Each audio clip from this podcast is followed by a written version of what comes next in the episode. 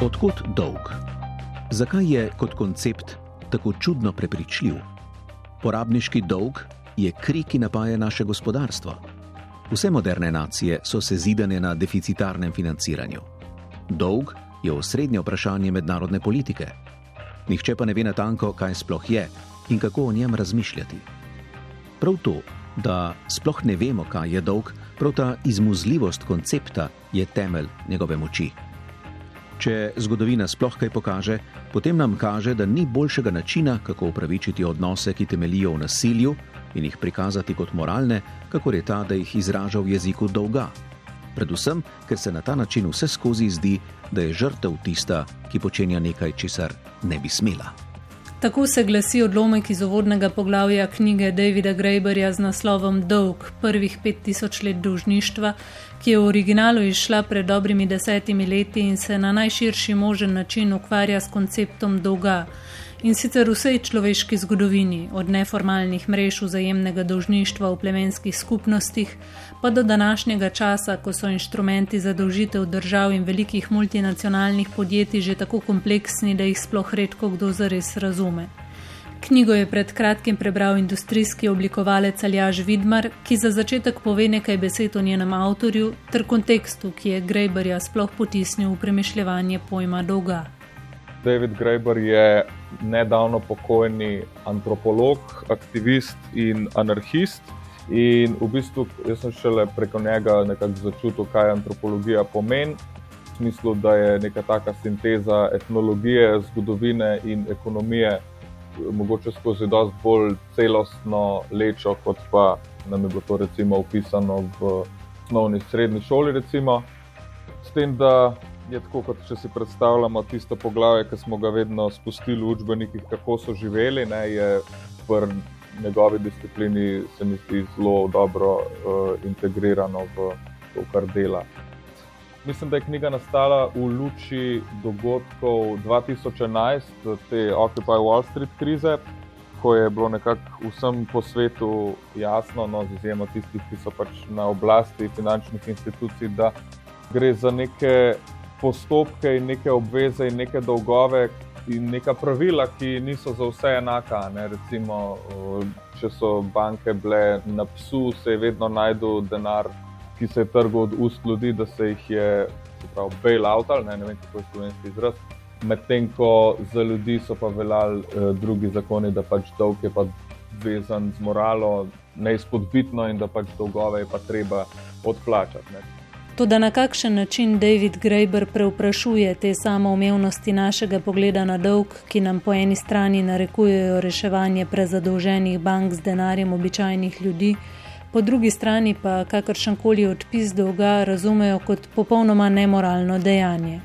Kot pripoveduje Aljaž Vidmar, se Graeber problema dolga loti predvsem skozi prikazovanje njegove zgodovine. Knjiga se ukvarja s konceptom dolga skozi človeško zgodovino, od prvih civilizacij, torej od Sumerije do moderne dobe, kjer pač jasno konča z negotovostjo. In eh, proučuje v bistvu, kako je dolg vezan na neke osnovne človeške koncepte, ki nas pač ohranjajo v funkcionalni skupnosti, kot so religija, morala, eh, kaj je prav čas, take stvari. Tudi kako se je odnos do denarja spremenil, kdaj je bil kdo dober, kdaj je denar izhajal iz časti in kdaj je bilo to zavržno. Ne bom lagal, težko je brati, zato ker je polna enih zgodovinskih anegdot, ki skačajo od antike do srednjega veka do moderne dobe. Najprej se zdi, da bo šla knjiga kronološko, ampak v bistvu je tako, kot da se cera dolg v tem, kaj vse lahko v človeškem smislu pomeni. V bistvu v prebiranju vsakega poglavja prepoznamo, kot da bi rekel, nek košček svojega kolektivnega zgodovinskega spomina, če to obstaja. Ne. In v bistvu odkrivamo, kje elemente imamo vse, kar se tiče našega trenutnega odnosa do dolga, in kje elemente od teh so zastarala. Ne. Kot poudarja tokratni bralec, torej Grejberjeva knjiga nikakor ne ponuja enoznačnega odgovora na to, kaj je dolg in kakšno mesto ima v naših življenjih, ampak skozi konkretne primere kaže predvsem na to, kako polno protislovi je pravzaprav naše razumevanje tega koncepta.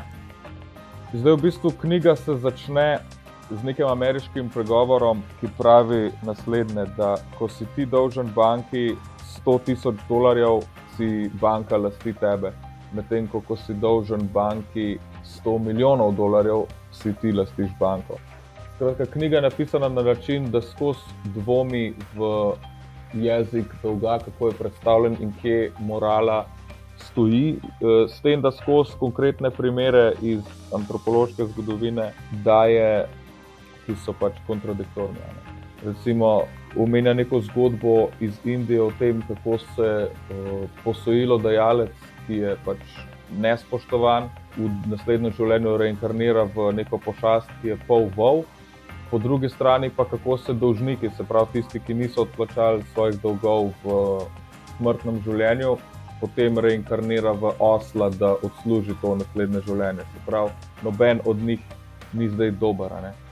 Uh, po tretji strani pa spet ni kompliment uh, za človeka, da rečeš, da nekdo ni nikomor nič dolžen, ker to nekako pomeni, da je odrezan, da nima nekih odnosov sploh. Ne?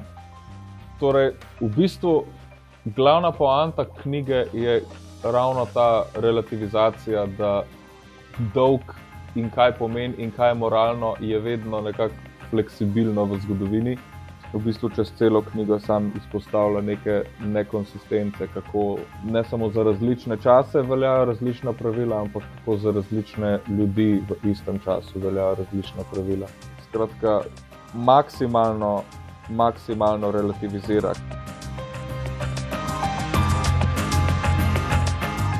Ker je to antropološko delo in pač uporablja neka urodja antropologije, je dosti kritična do ekonomije kot vede oziroma kot znanosti in tudi temu se posveti, da jo secira in temu, kako je v bistvu ekonomija se predstavlja kot neka veda, ki je samostojna, ločena od človeških odnosov in nekih specifik posameznih skupnosti.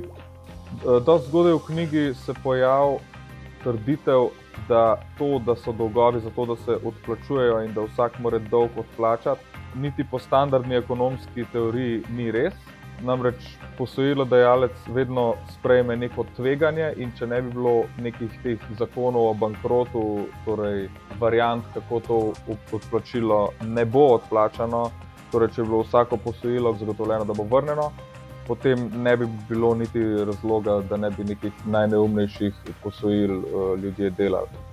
In torej tukaj že začne se spuščati v to, da odplačevanje dolgov ni ekonomska izjava, ampak moralna.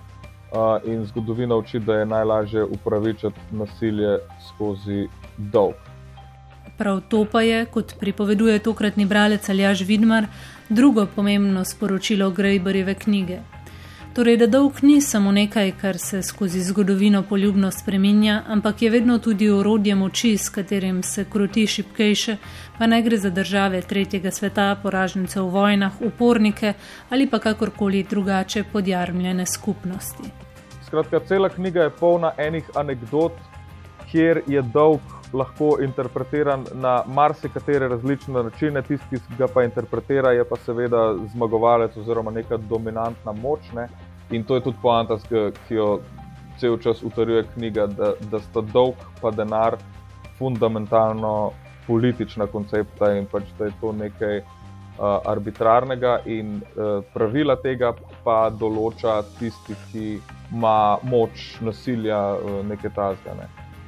Pa podaja David Graeber v delu Dolg prvih 5000 let dolžništva kakršno koli rešitev tega problema? Mislim, ta knjiga niti ni analitična. Ta knjiga je, kot sem rekel, nabor enih zbirka, enih anegdot. No, če podaja Graeber kakšno rešitev na vse to, je to kvečemu nekaj tazga, kot sem prej omenil, pri uspešnih uporih v zgodovini, se pravi, nek odpis dolga, neko začasno lajšanje simptomov, ne? nek odstop od uh, arbitrarnih pravil, ki se mogoče v nekem momentu zdijo zakoličeni, kot recimo dolgove, treba odplačati in tako naprej.